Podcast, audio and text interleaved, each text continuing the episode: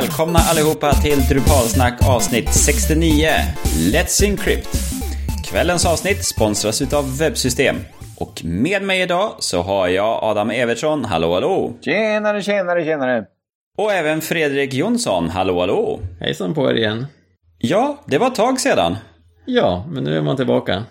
Ja, hur känns det att vara tillbaka i Sverige då? Det måste vara ganska skönt att vara hemma i huset måste jag säga.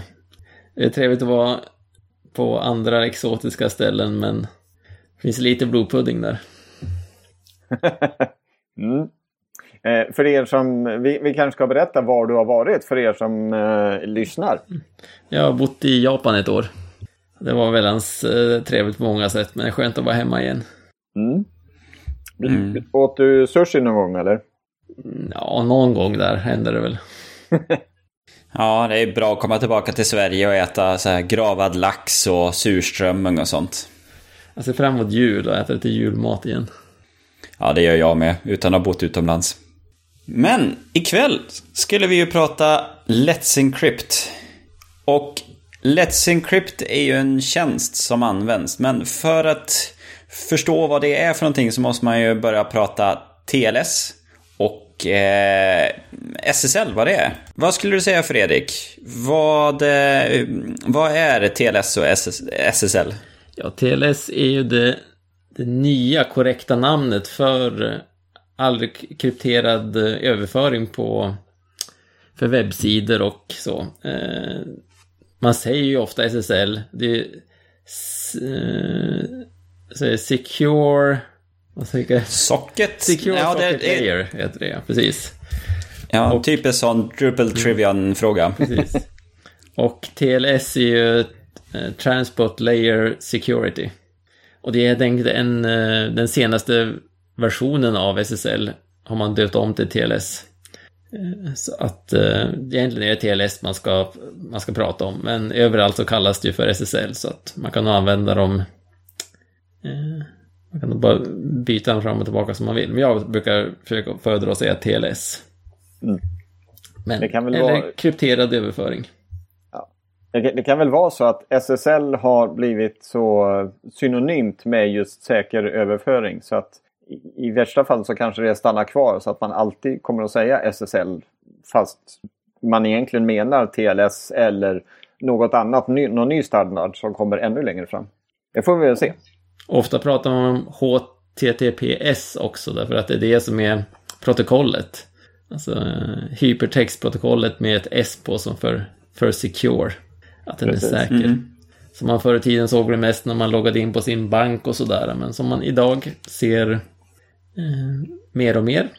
Man ser där HTTPS och man... Eh, alltså i moderna webbläsare så syns den biten mindre och mindre. När jag sitter nu med eh, Safari i MacOS så ser man ju bara domännamnet och ingenting annat.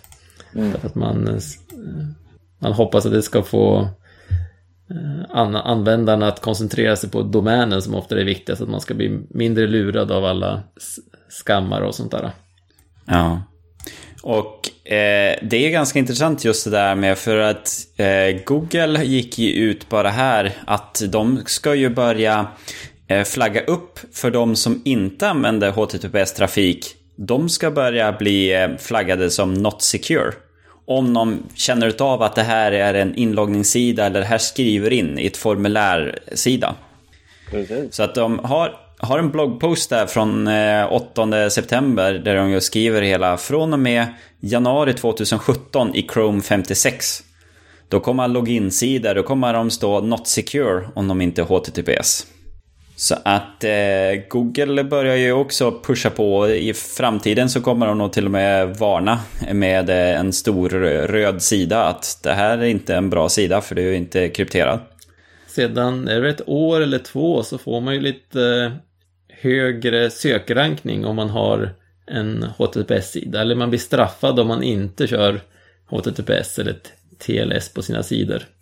Mm. Och det har varit en eh, en, en hel del kampanjer från både från eh, Google och sådana och eh, en som har varit väldigt drivande är ju eh, EFS som, har, som också är de som står bakom för Let's Encrypt som vi ska prata om idag.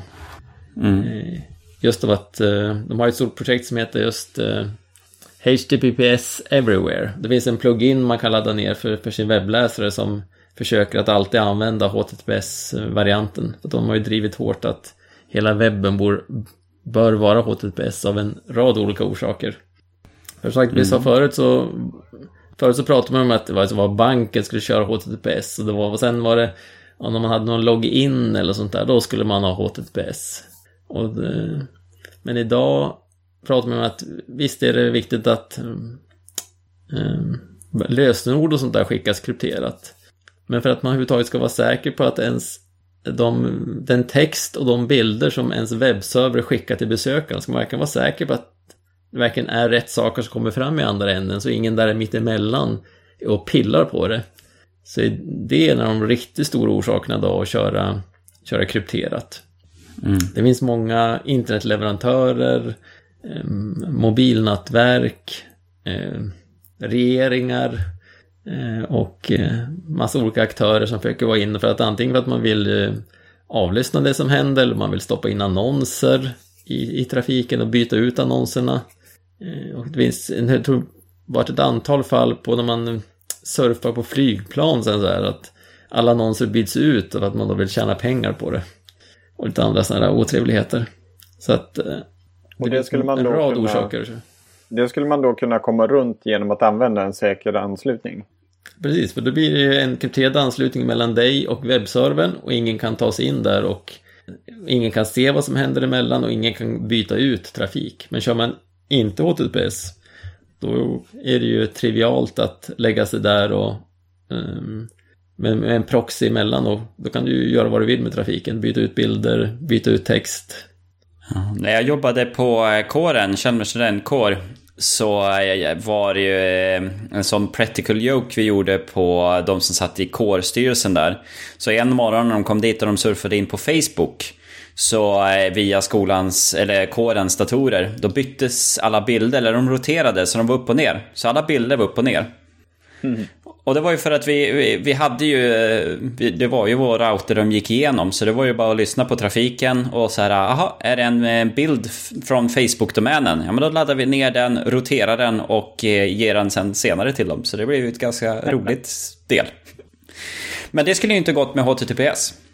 Nej. och kryptering. Och tekniken som man använt för just det här med kryptering och kunna säkerställa det hela. För det är ju ändå ganska intressant att här kan jag sitta och sen ansluter jag till Facebook och jag har en krypterad kanal. Och hur vet jag att Facebook är Facebook? Så att det inte är någon annan som har en egen sajt där. För eh, någonstans så måste man ju veta man måste ju kunna lita på den andra okända personen. För det är ju inte som så att Facebook har gett mig ett USB-minne med en hemlig nyckel och vi kan prata över en säker kanal. Utan det är då man har ju kommit överens det här om hur SSL och TLS fungerar, hur man... Eh, man har ju certifikat, man har ett publikt och ett privat certifikat på båda sidorna. Eh, eller framförallt är det på serversidan.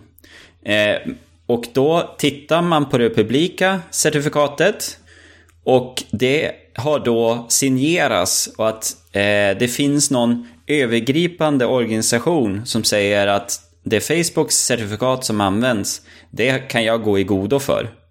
Och min webbläsare har då en lista på sådana här äh, toppmyndigheter som äh, får säga vilka som är riktiga och som kan verifiera. Så att i min webbläsare så, äh, så finns det då sådana här rotcertifikat som det heter. Som används för att verifiera att Facebooks certifikat är ett giltigt certifikat. Och i början utav internets tider så var det ganska få sådana där. Sen har det blivit fler. Och det är ju ganska mycket byråkrati kring det hela. Vem, vem har satt upp servrar? Kan man lita på de här? Eh, och eh, kontrollmyndigheter. Så att de här har ju, har ju tagit betalt för den här tjänsten. Eh, och det är därför det har kostat certifikat. Sen har ju vissa automatiserat det här flödet. Eh, men fortfarande tagit samma peng för att utföra tjänsten. Eh, de har kunnat delegera ner det hela så de har återförsäljare till sig och, och den biten. Så det finns ganska mycket pengar i det här med certifikat och det används ju mer och mer. Eh, men det har ju också varit bekymret att jag som hemmaknickedickare hemma knickedickare och sätter upp en webbserver. Vill jag köra SSL, HTTPS, så kan ju inte jag... Jag kommer ju kunna göra ett eget certifikat så att folk kan prata krypterat mot min server. Men webbläsaren litar ju inte, den vet ju inte att det där är jag. Eh, och då måste man ju ha ett rotcertifikat. Och antingen installerar du det manuellt, ett rotcertifikat till webbläsaren och be ens eh, användare ska installera det hela. Eller så får man köpa något eller hitta någon annan eh, rotsert som du kan göra. Det har funnits lite olika gratistjänster. Men det som då har kommit för ett år sedan det är då Let's Encrypt. Som eh, bygger mycket på automatik men bygger på en open source-tanke. Och försöker då få in ett rotcertifikat i alla webbläsare. Som kan signera då de här certifikaten som folk genererar och har strikta flöden om hur, eh, hur det ska gå till så att man kan lita på att det här inte missbrukas. Eh, eller att, det är, att jag via Let's Encrypt får ett certifikat för Facebook.com. Eller liknande. Så där, där har de ju tänkt och jobbat väldigt mycket med hur certifikathanteringen eh, ska fungera.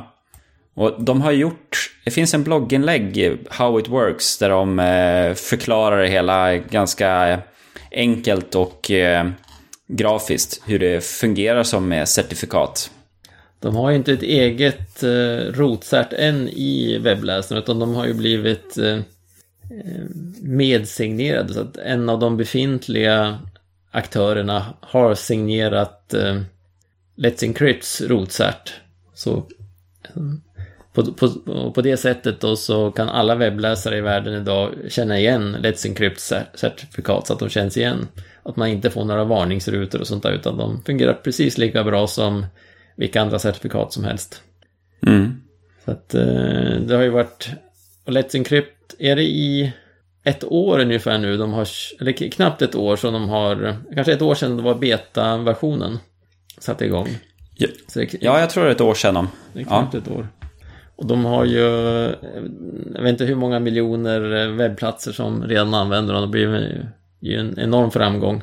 Och jag tycker det är väldigt trevligt mm. att ha, äntligen ha en riktigt Eh, stabil, eh, gratis certifikationsorganisation som man verkligen kan lita på. För de som står bakom det här är ju då eh, EFF och Mozilla och EFF är ju Electronic Frontier Foundation. Just en ideell organisation som driver mycket om att internet ska vara fritt och försöker hjälpa folk som har råkat illa ut från både myndigheter och företag och sådär har ju funnits, EFF har ju funnits med väldigt länge. Kanske många av som lyssnar här är medlemmar och sponsrar dem. Så det är de och Mozilla och flera andra sådana eh, stora välkända organisationer som står bakom för. Så det är verkligen ett system man kan lita på. Dessutom mm. har jag också byggt upp ett system som gör att man det går väldigt lätt att automatisera. Eh, eh, att man, de här certifikaten gäller ju tre månader. Men då kan man stoppa in skrift på sin server som automatiskt förnyar dem. Och det tror jag inte har funnits något liknande system förut, där man kan hela automatisera det. Och att man då kan mm. trycka ut det på alla sina servrar och allting blir helautomatiskt uppdateras och installeras. Och det är därför många större hostingföretag och sånt där börjar stödjas. Att man, till exempel i cPanel vet jag, finns det plugins. Så att uh, har man cPanel hos sitt hostingföretag så kan det finnas ett Let's Encrypt del på cPanel. Så man bara kryssar in några rutor och klickar lite OK så tjong så har man ett certifikat för sin domän. Mm. Mm. Och sättet som Let's Encrypt verifierar att du är ägare utav eh, den här domänen du försöker skapa ett certifikat för är det att de kontrollerar, du säger, eh, du meddelar, du har en app eller en program på datorn. Eller du kan göra det manuellt också. Men du säger till eh, Let's Encrypt att jag vill ha ett certifikat för det här domännamnet. Då kommer de ge dig en nyckel och säga lägg den här på domännamnet under den här katalogen på webbservern. Och sen så ansluter de mot den eh, webbservern med det domännamnet och se att har den nyckeln jag gav till dig, har den dykt upp på webbservern som vi ansluter via en annan tunnel till? Ja, men då, är du, då har ju du kontroll på det här domännamnet. Då kan du få certifikatet. här har du signerat certifikat. Eller du, du låter dem signera ditt certifikat. Eh, och det är ju det som man då använder med automatgenereringen också. Att den, eh, de går ut och kontrollerar och kan förnya certifikatet. Och det gör ju att om det skulle missbrukas så är det max ett, eh, tre månader ett certifikat är på vift. Det är inte ett år eller två som det brukar vara med de mesta andra. Och tanken jag läste någonstans är väl att de ska kunna sänka tiden ännu mer från tre månader till kanske en månad. Mm. Det är också tre månader tog de bara från början. De, eh, målet är nog kanske gå ner till ännu kortare tider för att om när det någon gång kanske blir fel så kan man lättare korrigera det. Och det är också mm. värt att nämna att det man kan få med de här certifikaten är ju som den lägsta nivån på certifikat, man säger, som ett DV-certifikat brukar kallas, Domain Verification. Så att det certifikatet säger det är att, eh, för det i vårt fall på Drupalsnack, då så säger certifikatet att ja, den här domänen är verkligen drupalsnack.se, men som ingenting annat. Sen finns det ju ett väldigt vanligt cert idag EV, eh, e det är väl Extended Verification.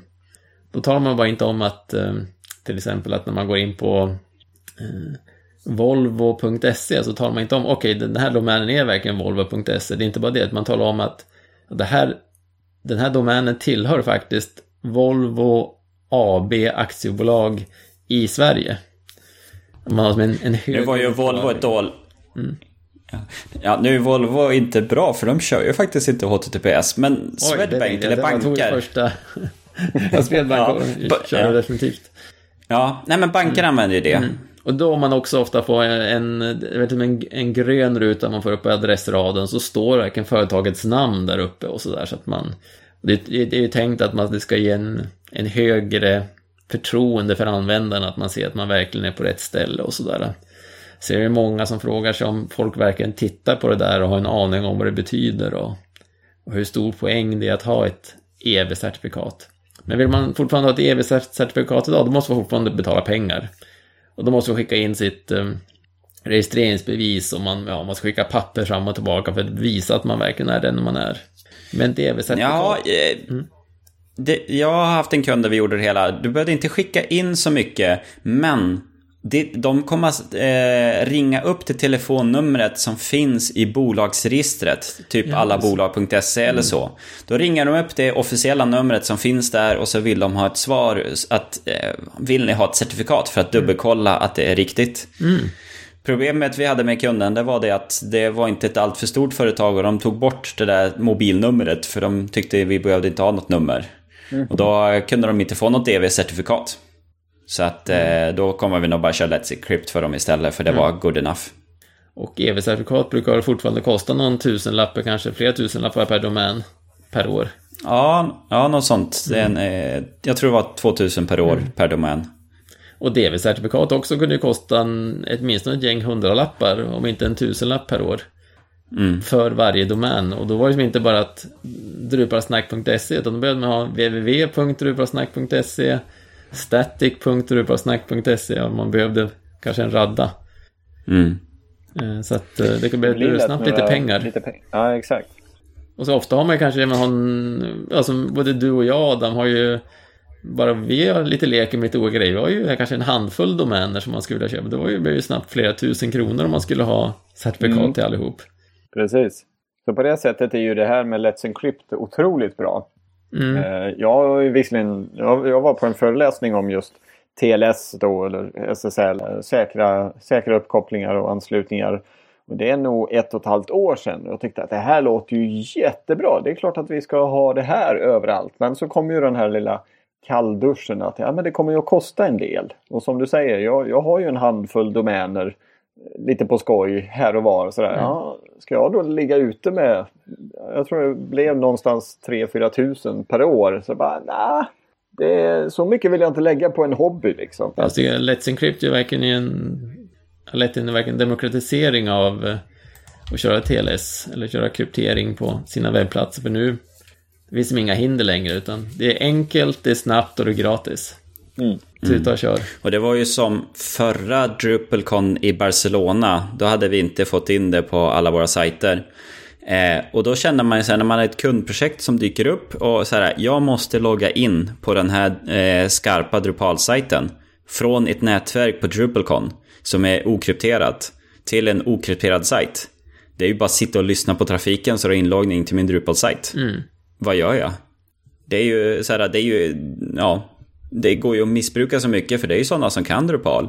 Och det är ju inte så här, ja, det är ju logga in, byta lösenord fort som bara den, men det kan de ju lyssna på också i klartrafik. Så att det är i så fall att surfa via kontoret och dölja sina spår. Mm. Och hoppas att eh, kontorets internetlina inte är lyssnad utav någon som kan Drupal. Öppna sådana wifi-nätverk, då, då har jag suttit och jag kommer ihåg någon eh, konferens jag läste om, de hade Satte upp en, de kör Wireshark eller eh, Ethernet eller vad de här olika programmen heter. Så man kan köra igång ett program, lyssna av all trafiken så bara ramlar lösenord upp på skärmen. Då hade de satt upp det på en jättestor skärm. Där de visade alla lösenorden som de såg på trafiken och så stod en stor skylt ovanför. Do you recognize your password? Please change it. Aj, aj, aj. Det, ja, det, var någon tidning också. Jag tror det kan ha varit Internet World eller så var det IDG för några år sedan som gjorde samma sak. De gick ut på tågstationen, eller vet du, centralstationen i Stockholm. Och så satte de upp ett, upp ett nätverk. Och, eh, och såg liksom, är det någon som kopplar upp sig? Och, jo då, absolut. Det kom 10-20 anslutningar direkt. Och vissa började ju tanka torrent naturligtvis. Och de stängdes ju ner ganska omedelbart. Men sen var det ju då folk som ja, kollade och loggade in på sina sajter på Facebook, på mail och allt möjligt. Och där kunde de bara sno lösenorden rakt upp och ner. Så att folk är ju inte riktigt eh, eh, de är lite oförsiktiga där. Och kan man då hjälpa till genom att lägga på en säker anslutning för att förhindra sånt missbruk. Då är det ju en win-win situation för både de som använder det och eh, för alla andra. Mm. Och det är ju det också just nu så eh, HTTPS har ju mm, Traditionellt sett så lägger den ju på en overhead med att du har ju mer CPU-cykler som måste räkna ut eh, eller signeringen och lite sånt på paketen. Men den är så försvunnbar liten i dagens internet så att eh, det går inte riktigt att, att räkna av. För själva trafiken eh, blir ju inte något mycket större. Utan eh, det är lite overhead men det, är så här, det sväljer servrarna utan problem. Det är ju sällan CPUn är problemet i dagens eh, webbserver. Alla stora webbplatser idag, men både Facebook och Twitter kör väl HTTPS som, eh, som förval. Google har gjort det ett bra tag så kör ju alla deras tjänster HTTPS. Mm. Och, så det börjar verkligen bli det förvalda. Att det, och som, som du sa, Kristoffer, att Google snart kommer att göra tvärtom och kommer inte visa att den här sidan är krypterad utan den kommer visa att oj, den här sidan är inte krypterad, varning, varning. Vilket jag tycker är helt rätt väg. Som eh, eh ni surfar in på på Drupalsnacks sida så ofta är, det ser lite olika ut. men olika drup, eh, webbläsare har ofta ett litet hänglås eh, framför domännamnet. Eller någonstans där i adressraden som har ett litet hänglås. Och eh, klickar man på det och säger visa certifikat så ser man att eh, Turbasnack.se kör ju Let's Encrypt. Och då kan man se att huvuddomännamnet är combonet.se och det är ju därför att det är jag som, det här kör ju på mina servrar där jag har mitt företag också. Och eh, Let's Encrypt tillåter att man lägger till eh, eh att man har en eh, huvuddomän för sitt cert, men sen kan man lägga till typ hur många undernamn som helst.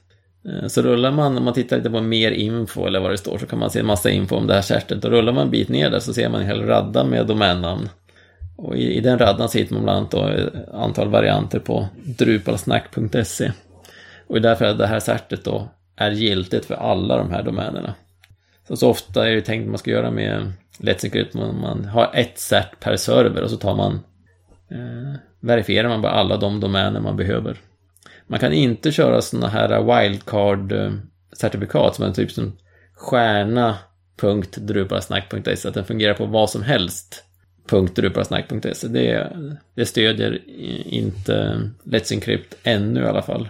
Utan man har den här varianten där man har multipla domäner istället. Och jag tror inte de kommer stödja det hela med tanke på att de vill ju verifiera ägarskap. Ja, precis. Och och då är det svårt att verifiera ägarskap på stjärna. Mm.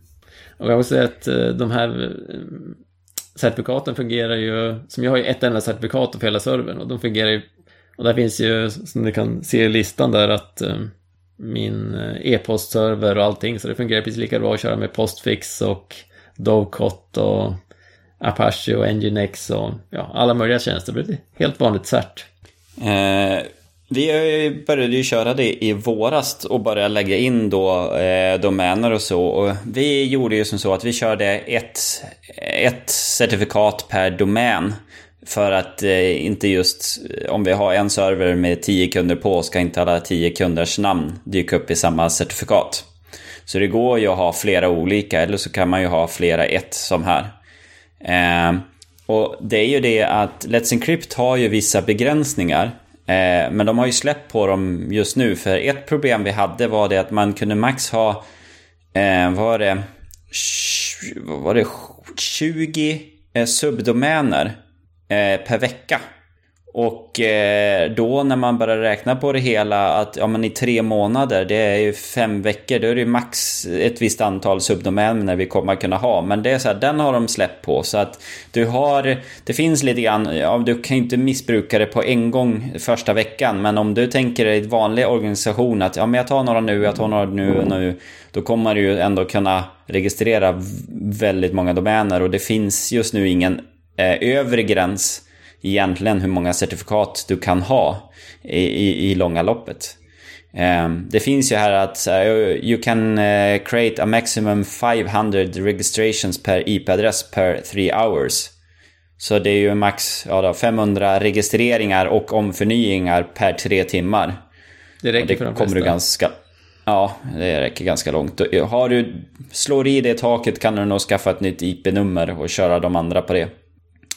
Så att... Eh, och, eh, men just Let's Encrypt, de som har utvecklat det hela har ju tänkt till väldigt mycket. Och det finns ju väldigt mycket dokumentation.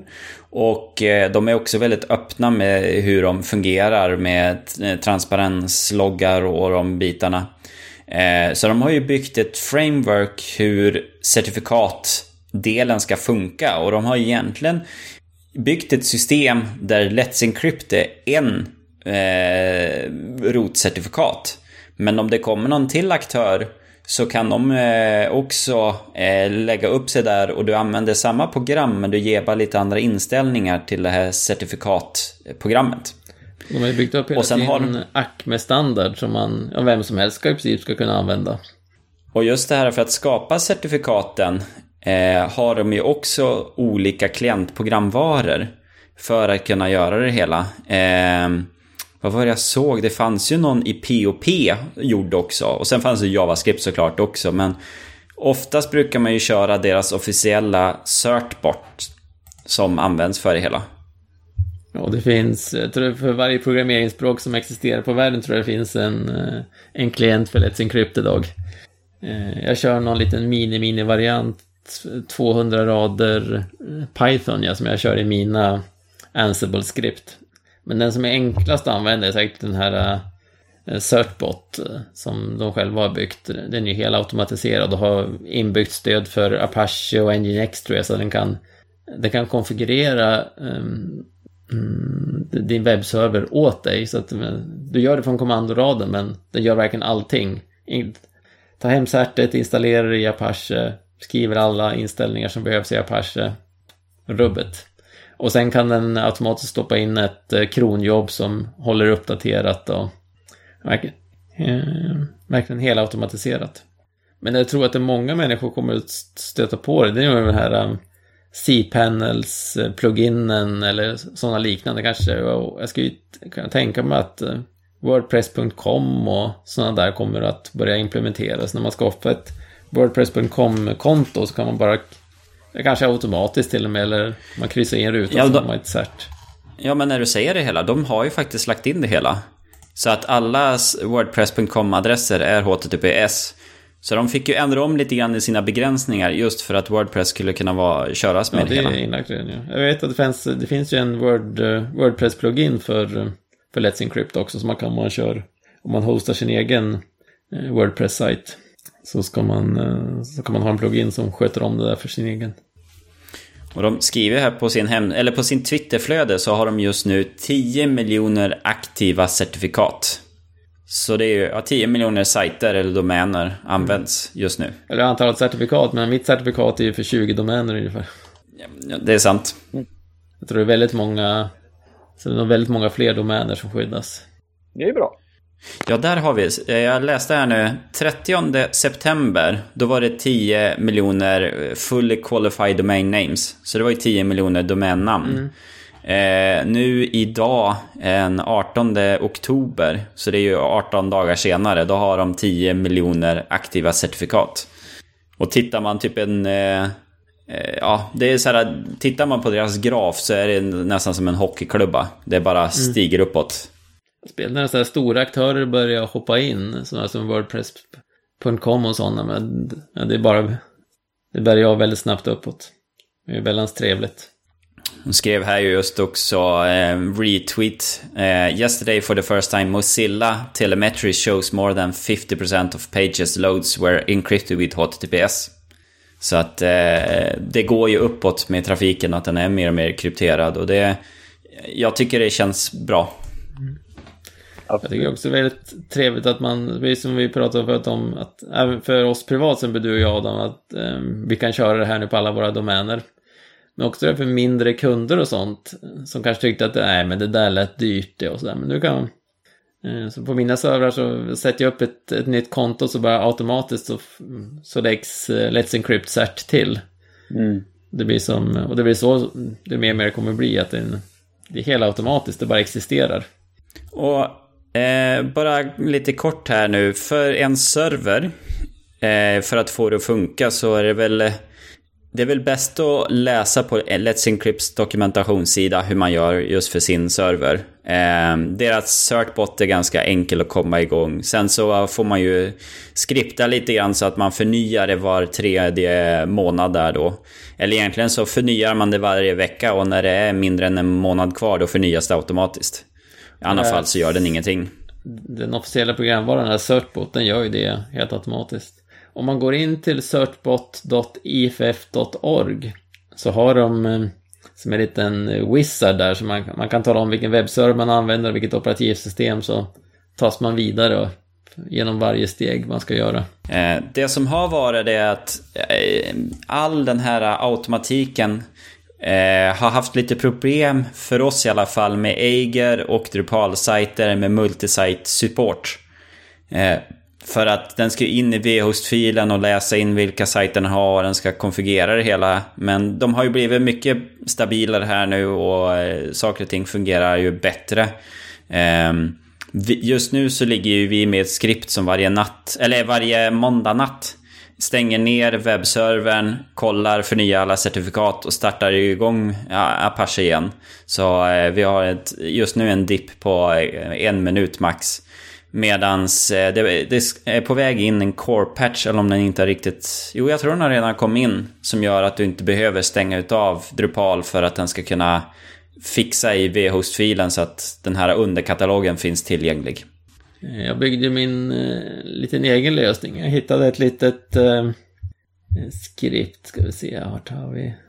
Eh, jag valde ett litet skript som heter Acme Tiny. Acme är ju standarden för um, som eh, Let's Encrypt bygger på. Så man byggde, man byggde egentligen först standarden Acme och sen så var okej, okay, vi, vår version som vi gör det kallar vi för Let's Encrypt, men den här Acme-standarden kan vem som helst använda. Då. Så alla de här eh, skripten som har gjorts, det finns, vi lägger in länkar för allt det här i, i shownoterna, så finns det sidor som listar alla klienter för Go och eh, Python och vad det kan vara för någonting. Eh, jag valde Acme för det var det minsta skript jag kunde hitta som jag kunde läsa och eh, verkligen förstå vad som hände. Och så byggde jag en Ansible Playbook. Vad jag pratade om Ansible här tidigare, för både du och jag använder det, Kristoffer. För mm. att eh, köra provisioning på våra servrar. Så jag, jag har faktiskt lagt ut det på min eh, GitHub-sida, så är det någon som är intresserad av att titta på det så kan de ladda hem och kolla in. Eh, så jag har en, när jag lägger till i min Ansible Playbook, när jag lägger till nya domäner så, så sköts allting därifrån och Let's Encrypt-biten automatiseras. Fungerar riktigt smidigt. Det var lite, lite, lite bök och bygga, men när man väl har gjort det så bara fungerar det. Jag tror jag kör att det automatiskt förnyas varje månad, tror jag valde att köra. Men det är ju en enkel liten variabel att ändra på hur ofta man vill att det ska förnyas. Mm. Och så får jag ett litet... Eh, kronjobbet skickar en liten not till mig om att det har fungerat eller om det var problem. Mm. Första gångerna så var det allt man fick eh, trimma in sina kronskript lite grann så allting kördes i rätt ordning och allting startades om i rätt ordning och sånt. Men nu har allting rullat på otroligt problemfritt sista månaderna. Och jag tänkte bara runda av här lite grann på avsnittet med saker som kan bli problem med att köra allting via HTTPS. Och det betyder ju att allting måste köra HTTPS. Eh, vi hade en eh, tjänst som pratade med en Node.js-server i bakgrunden för att eh, kunna pusha ut saker till klienter. Eh, webbesökarna då, med lite message och notifiering och sånt. Och det slutade ju funka helt och hållet när vi satte HTTPS på huvudsidan. För att Node.js behöver ju också köra HTTPS. För eh, är du väl inne i en HTTPS-miljö så all data du hämtar, en iframe, JavaScript, bilder, allt sånt här måste ju gå via HTTPS då. Så att man måste ha hela kedjan måste vara godkänd. Så att man måste titta över sina Ajax-anrop och, och, olika sådana här tjänster. Eh, jag vet att vi har haft en kundproblem där också som att ja men iframen slutade funka. Ja, nej då måste du hitta en HTTPS variant på eh, innehållet och det är inte alltid det går eller finns. Så att eh, ja, det får man eh, tänka på. Ett sätt man kan lösa det på, inte om det direkt är klientanrop, men om det är anrop som servern ska göra, det är att man kan till exempel köra Nginx eller det finns en rad programvaror som man kan köra framför sin rätta webbserver som terminerar SSL redan där och sen bakom för den då så kan man köra okrypterat då, men bara, det är ju okrypterat och bara inom sin egen server. Eh, så där kan man köra alla sina vanliga miljöer så kan man då terminera innan. Det är ju en rätt vanlig lösning. Ja, det, det funkar alternativt... inte om det är klientanrop. Och det är Node.js är väl ofta klientanrop. Ja, Alternativt så får väl klienten ansluta till ens Nginx som tunnlar trafiken bara och gör ett okrypterat anslutning. Nginx har ju en bra proxy-plugin som, och det går att göra samma sak i Apache, men det är någon som man lätt kan Eh, sätta upp den som en proxy. Ja, vad säger du Adam? Nu har vi pratat Let's Encrypt. Eh, känner du att du måste ha det på alla dina sajter här nu? Har vi kunnat övertyga dig om att den här startsträckan är väl värd det hela? Eh, jag kan väl säga så här att eh, ni hade nog inte övertygat mig om det bara gällde att skaffa certifikat och att det medför ett, eh, ett jobb eh, merjobb och eh, framförallt en kostnad. Då hade jag nog inte gjort eh, då hade jag nog inte skaffat certifikat på mina, mina servrar. Eh, eftersom eh, Eh, jag är den enda som loggar in på dem. Eh, det finns inga användarkonton, det är inga massiva eh, inloggningar. Men jag har, som vi har pratat om, C-panel på mitt webbhotell. Och det är bara en knapptryckning så har jag ett certifikat på min sajt. Jag har lagt till det på en av mina sajter än så länge. Jag kommer definitivt att göra det. Det är bara en, en jag vet inte riktigt varför jag inte har gjort det. Det är den berömda tummen som inte går att plocka ut. Eh, så att eh, det, jag kommer att göra det och det är ju tack vare Let's Encrypt och det är tack vare att eh, det är så integrerat med mitt eh, webbhotell. Det enda som jag egentligen behöver göra är ju att Eh, eftersom jag kör shared hosting på webbhotellet. Jag behöver ju bara lägga till några kodrader i min HT-access för att eh, Drupal ska fungera också. Eh, eller inte, inte fungera, det slutar ju inte fungera men så att den snappar upp alla eh, anrop och, och ser till att man använder den säkra anslutningen. Så att eh, mitt svar är ja, absolut. Eh, det är klart att jag kommer att skaffa eh, TLS på alla mina webbplatser. Det låter ju bra det. Och för er alla lyssnare här nu, innan vi går in i eftersnack och allt sånt, så vill jag påminna er om att vi har ett nyhetsbrev som man kan signa upp på på vår hemsida. Så får du ett mailutskick när vi har nya poddar eh, färdiga. Sen så kan du också prenumerera på vårt RSS-flöde. Vi finns ju på Twitter och sen såklart kan du refresha drupalsnack.se tills du ser något nytt innehåll där. Och kvällens avsnitt har sponsrats av Webbsystem. Och med det så vill jag gärna tacka både dig Adam Evertsson och dig Fredrik Jonsson för ikväll. Och för er alla lyssnare som inte stannar kvar till eftersnack här nu så säger jag tack och godnatt. Godnatt. Godnatt.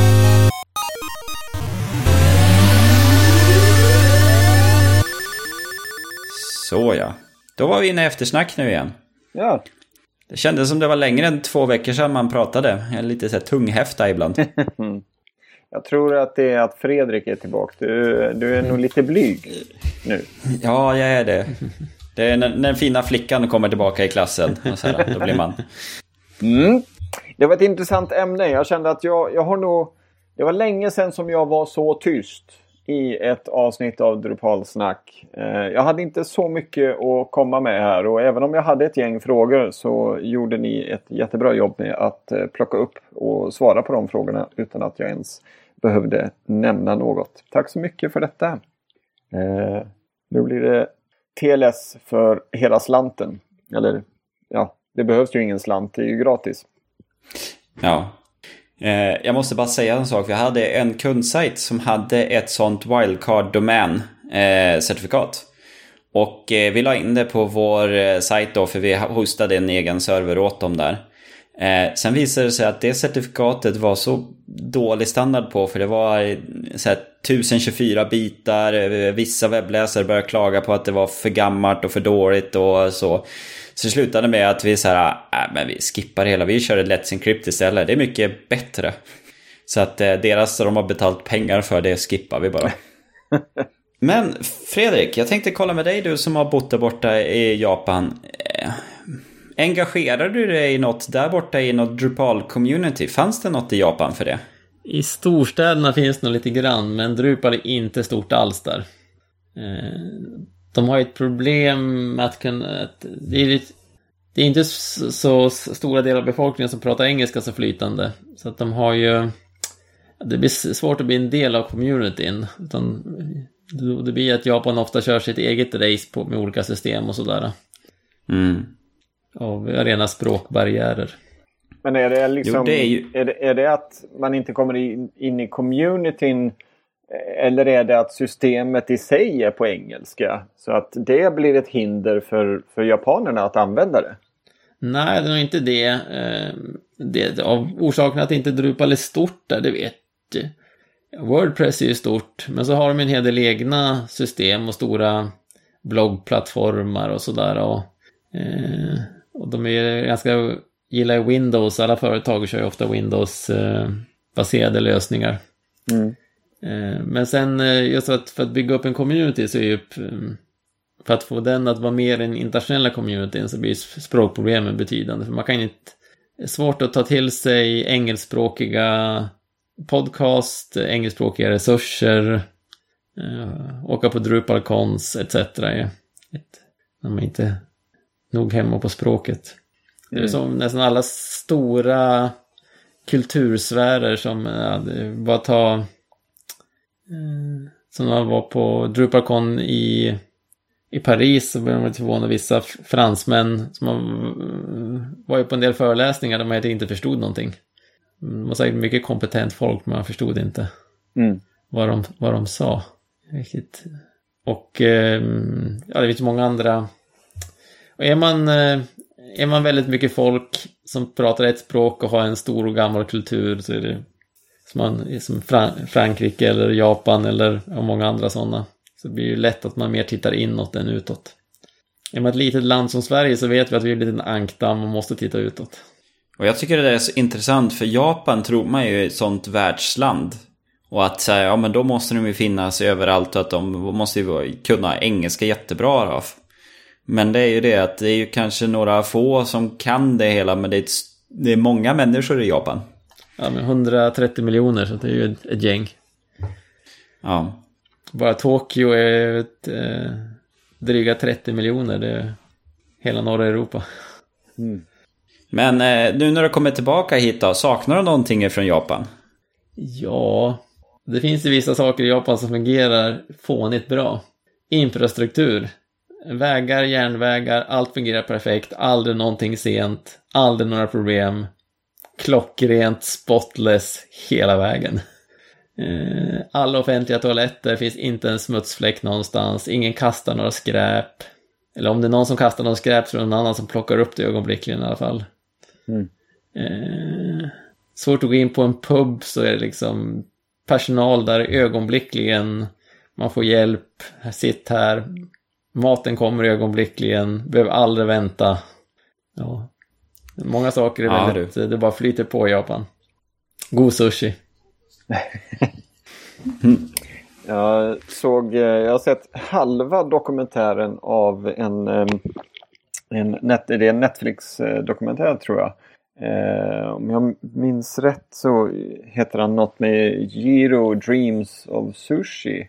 Mm, den har jag sett. Mm. Ja, eh, nu kommer jag inte ihåg om det var i Tokyo som han hade sin restaurang. Men han har alltså en liten restaurang nere i tunnelbanan. Eh, i, I en av storstäderna, antagligen Tokyo.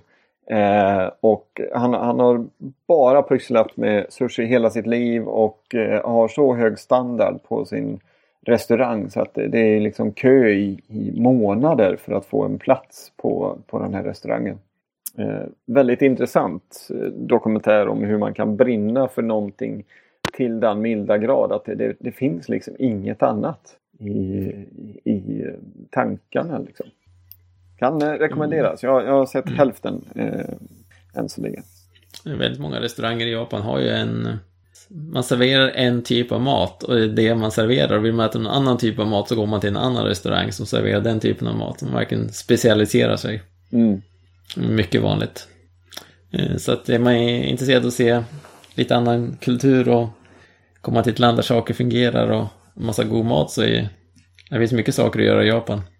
Och med tanke på att allting fungerar så bra, så även om folk inte pratar så bra engelska så är det också eh, som lätt att ta sig runt. Och alla vägskyltar och i större städer är det mycket skyltar och sånt som är på engelska. Och det går alltid att... Hade lite folk som var där och hälsade på, det var nog inga problem att ta sig runt. Kom alltid i tid med tågen och... Eftersom man ska åka tåg får man bara passa sig för att eh, man måste se till så att man står på rätt ställe på plattformen och står på de där linjerna som finns på plattformen. För det är precis där dörrarna på tåget, när tåget stannar så är dörrarna precis där vid linjen. Så måste man ju stå lite grann på sidan för att folk ska ju först kliva av tåget. Och sen när alla har klivit av, då måste man snabbt kliva på för att tåget stannar ju två minuter på perrongen och sen svischar det vidare. Så att alla står ju där redo. Och så går alla ur och så går alla in i tåget, pang, och så åker det vidare. Ja. Ja, jag har tror jag sett någon sån YouTube-video också för spårvagnsnätet där. Eller om det är tunnelbanan där det är lite väl mycket folk på morgonen. Då trycker de ju in, då har de ju som, eh, inte vakter, men värdar som då står utanför och trycker in folk så att dörrarna kan stängas. Mm. Och i storstäderna så är det så. Har en tunnelbanestation där det kommer som eh, varje morgon så är det en miljon människor ska igenom. Det, då gäller det att det gäller ha att lite flyt på saker. Ja, precis. Mm. Jag lyssnade på radion idag också. De pratade här om eh, o, oskrivna regler och lite sånt. Och då var det, kom de upp det här med att ja, om man sitter på en handikappplats och det kommer in en gravid, en handikappad och en pensionär. Vem ska man släppa in först? Och andra sa, an, andra personen som vill ha det bara, äh, jag ställer mig upp så får de lösa det. Ja, Jag kan säga, nej, en sak till jag gillar med Japan är att man hör aldrig någonsin någonting pipa eller tuta eller något sånt där. Man, jag vet inte, all, jag förstår inte hur alla kommer ihåg det men alla kommer alltid ihåg att ställa eh, de kallar det för eh, manner mood, alltså uppförandeläge på telefonen och det har ju iPhones i alla fall har ju en sån knapp som man, man trycker på knappen bara så hamnar man på vibratorläge och sånt. Och eh, alla restauranger, ut- all offentliga rum hör man aldrig någonsin en mobiltelefon pipa. Mm. Det tycker jag är ganska skönt. ja absolut. Vad har ni gjort sen Ja. sist Vad har vi gjort sen sist? Spela in Ja, ja, det- snack. Ja, precis. Hur Ja. länge tror du vi ska snacka? ja. Eh, ja, gud. Hur ska vi sammanfatta? Vad är det nu? Är det ett och ett halvt år? Nej, lite över ett år va? Sen du tog eh, pappaledigt. Det var efter förra, förra våren. Va? Ja, precis. Ja, nej, men det är som Kristoffer säger. Vi har spelat in eh, Drupal-snack och sen har man, man väl byggt en sajt eller två. Liksom. Mm. Varit på några camps, varit på några cons. Mm. Vi har ju vuxit så att vi är fyra stycken på kontoret här nu. Eh, I webbsystem där och så. Så att, eh, ja, det växer. Ja. Sen så, jag pratade ju med folk där just på DrupalCon, det här med Drupal 8 och sånt. Och det var en person som satt som projektledare på ett större IT-företag. Och eh, hans så här, åsikter kring Drupal 8 är det att ja, under något år, två år här nu så har inte de kunnat erbjuda Drupal till stora företag. Men nu börjar åttan vara så stabil så att det är ju nu det börjar så här, ta fart. Det är nu man kan sälja in Enterprise-lösningar och de bitarna. Och det, det börjar jag väl känna själv också att ja, nej, men nu börjar Drupal 8 vara, börja kännas väldigt bra. Eh, det är mycket nytt att lära sig om man är ny till, eller om man ja, kan Drupal. Eh, 7 så är det mycket nytt att lära sig för Drupal 8. Men är man ny till Drupal så eh, lär dig objektorienterad programmering så kommer det gå ganska eh, smärtfritt. Eh, för det är ju mycket det, att hitta vad, vilka klasser ska man ha och hur anropas de i YAML-filer eh, för att definiera upp att de finns. Ehm, men eh, nej, jag tycker det känns spännande med Drupal 8. Just med också som det var på DrupalCon att man börjar efterfråga vad ska vi ha nu? Vilka mer funktioner ska vi ha in i Drupal? Vad, vad behöver vi förbättra? Mm. Det är inte så här nu måste vi begränsa oss, vi måste begränsa oss. Utan nej, men nu tittar man framåt. Eh, allt ifrån eh, ja, men headless, till, eh, inte headless, men just att ja, men offline-stöd läser jag bara senast idag om hur, hur man ska få in det i Drupal och sånt. Mm. Eh, så att ja, jag tycker det är, är spännande. Mm. Mycket lång, kunder med långa kontrakt, ja, som det är mer underhåll, att man bygger vidare på saker. Så jag har faktiskt bara en enda Drupal 8-sajt som jag verkligen har byggt upp helt och hållet. Mm. Eh, men alltså, jag, har ju, jag har ju några moduler som jag försöker underhålla för Drupal 8 också. Men jag tycker mm. mycket man bygger, jag saknar ibland att det, det verkar fortfarande mycket lättare att hitta information om att lösa problemet för Drupal 7 än för Drupal 8. Mycket saker jag sätter påverkar som ingen har löst än. Ja, men det kan jag hålla med om. Mm. Och ser och otrolig just... massa filer hela tiden. Ja. att eh, man blir, när man ska eh, i sin editor ska man öppna de här mapparna och så ska man som ner och det, man måste göra den där eh, browserbiten på editorn så bred bara för att man ska kunna läsa filnamnen för att det är så många nivåer ner. Vilket irriterar mig lite grann. Det är ett otroligt litet program egentligen men ja. Skaffa större skärm. ja, just det. Mm. Skaffa en till skärm bredvid bara för eh, filbrowsern. Köp en 65 eh, tums och sätt dig framför och så ha väldigt liten, eh, väldigt liten font. Så, så går det bra. Bara här Men, titta på hur man i till CK-editor finns, ska man kunna stoppa in plugins. Och det finns några plugins som gör att CK-editor ska kunna generera markdown-kod. Jag tänkte en sån kanske man skulle kunna putsa ett grann på och bygga någonting för istället för att den uppdatera den befintliga markdown-editorn med som bygger på BU-editor som inte verkar uppdatera så mycket. Det är mycket saker man använder som inte ser ut att... Det händer ingenting med dem. De är så ständigt i alfa eller i dev från flera månader mm. tillbaka. Eh, men det lyckas inte hitta någon information alls om hur man skulle fixa i, i Drupal att få Alltså hur man ska i en modul kunna stoppa in en CK-editor plug-in och få den aktiv i den CK-editor som finns i Drupal. Hittade inte ett smack någonstans. Okej. Okay. Jag kanske jag kan, eh, jag kanske kan återkomma om det. Jag ska titta på eh, något liknande där man eh, använder just CK-editors egna plugins för att få just i det fallet så var det, handlade det om eh, video, inbäddning av video och video detection. Det ska jag kolla på om ett par veckor när vi har en eh, så kallad kreativ fredag. Jag kanske kan äh, återkomma med något, något litet tips mm. eller något svar där och se. Det var så här, ägnar man nog mycket tid åt så kan man väl alltid hitta men ja. Ja, men det är ju det, var... det. det ska finnas tid också. Mm. Ja. Alltså... Nej, men det kan jag väl hålla med om att det, just den här stabila dokumentationen är ju inte riktigt på platsen helt och hållet. Vissa saker börjar ju komma nu och så man börjar hitta best practice och lite sånt. Men eh, den är ju inte riktigt lika omfattande som finns till sjuan. Den börjar ju bli ganska komplett på sina ställen. Mm. Mm. Man kan förstå varför Drupal 6-lösningarna kunde ju med mindre anpassningar bli Drupal 7-lösningar och så här. Men för Drupal 8 är det verkligen ett skifte. Mm. Precis. Så man förstår, alltså, allting måste byggas upp från början. Alla så alla som hittar någonting måste, måste... Det är inte nog att problemet måste lösas en gång, det måste lösas av någon som orkar skriva en bloggpost om det. ja. De har ju ändå jobbat igenom dokumentationen på drupal.org.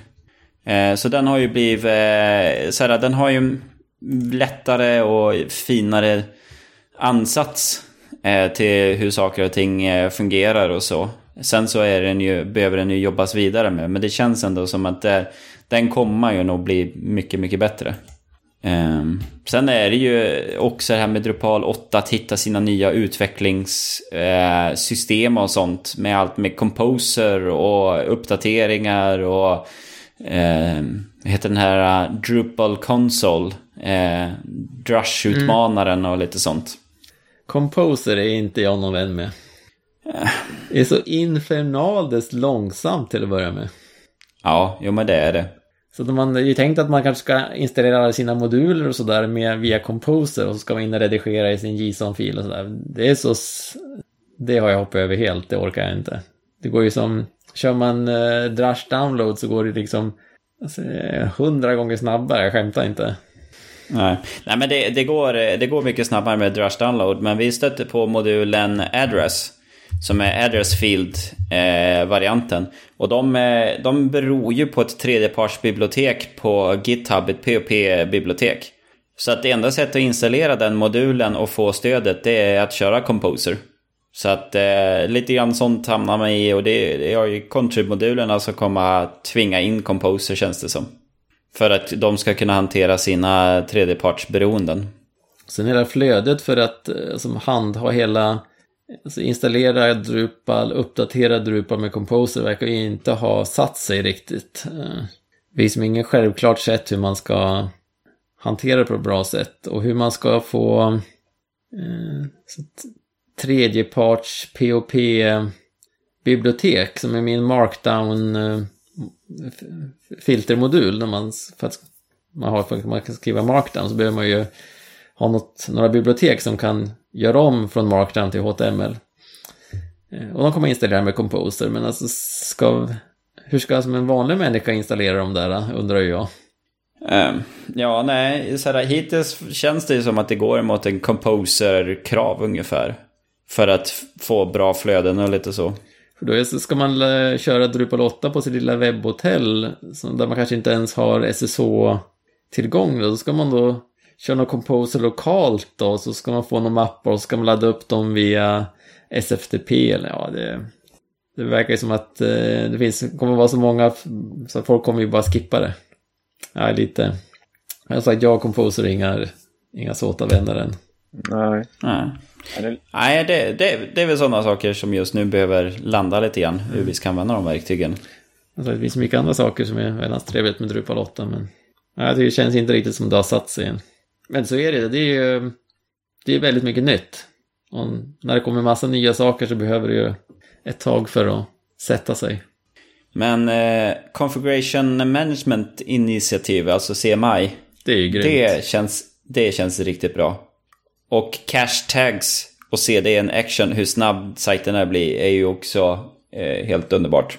Ja, det är ju verkligen trevliga saker. Ja, senast här i veckan, eller om det inte, jo men det var nog igår.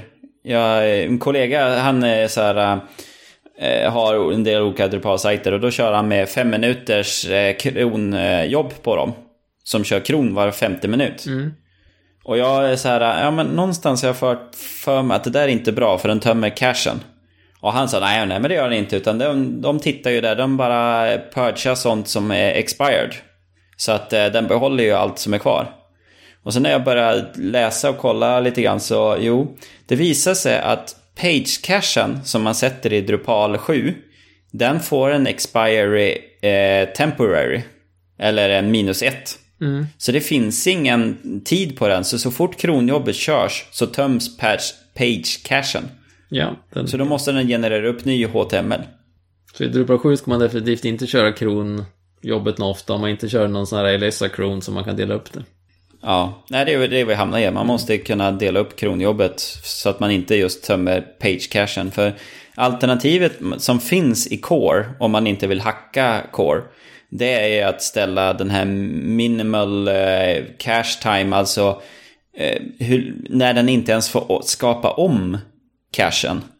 Så att då, även om du gör en spara om en nod så kommer man inte tömma ut delar utan du måste manuellt eh, cleara cachen.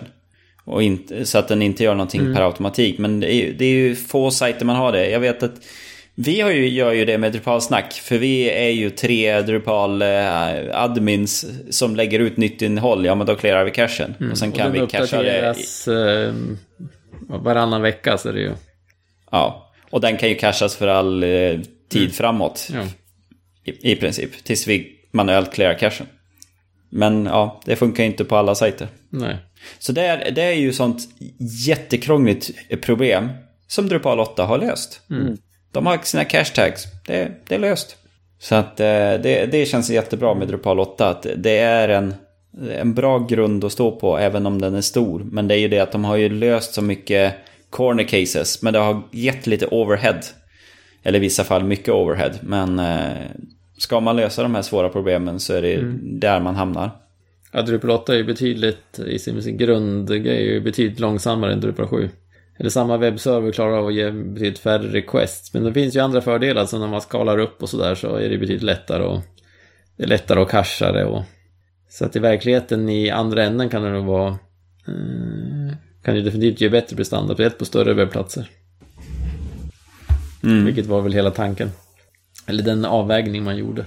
Det här får vi komma tillbaka till senare i program längre fram. Och nu ser jag att klockan börjar rinna iväg så att eh, det är nog dags för oss att runda ut av det här eh, avsnittet. Om det inte är någon som har något sista de skulle vilja säga?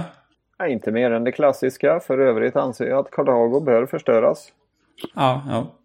Och may the open source be with you. Ja, precis. Så tack så mycket ikväll Adam och Fredrik. Det var gott att ha er här i etern igen. Detsamma. Detsamma. Tack själv. Och tack och godnatt säger jag. Godnatt! Godnatt. Hej.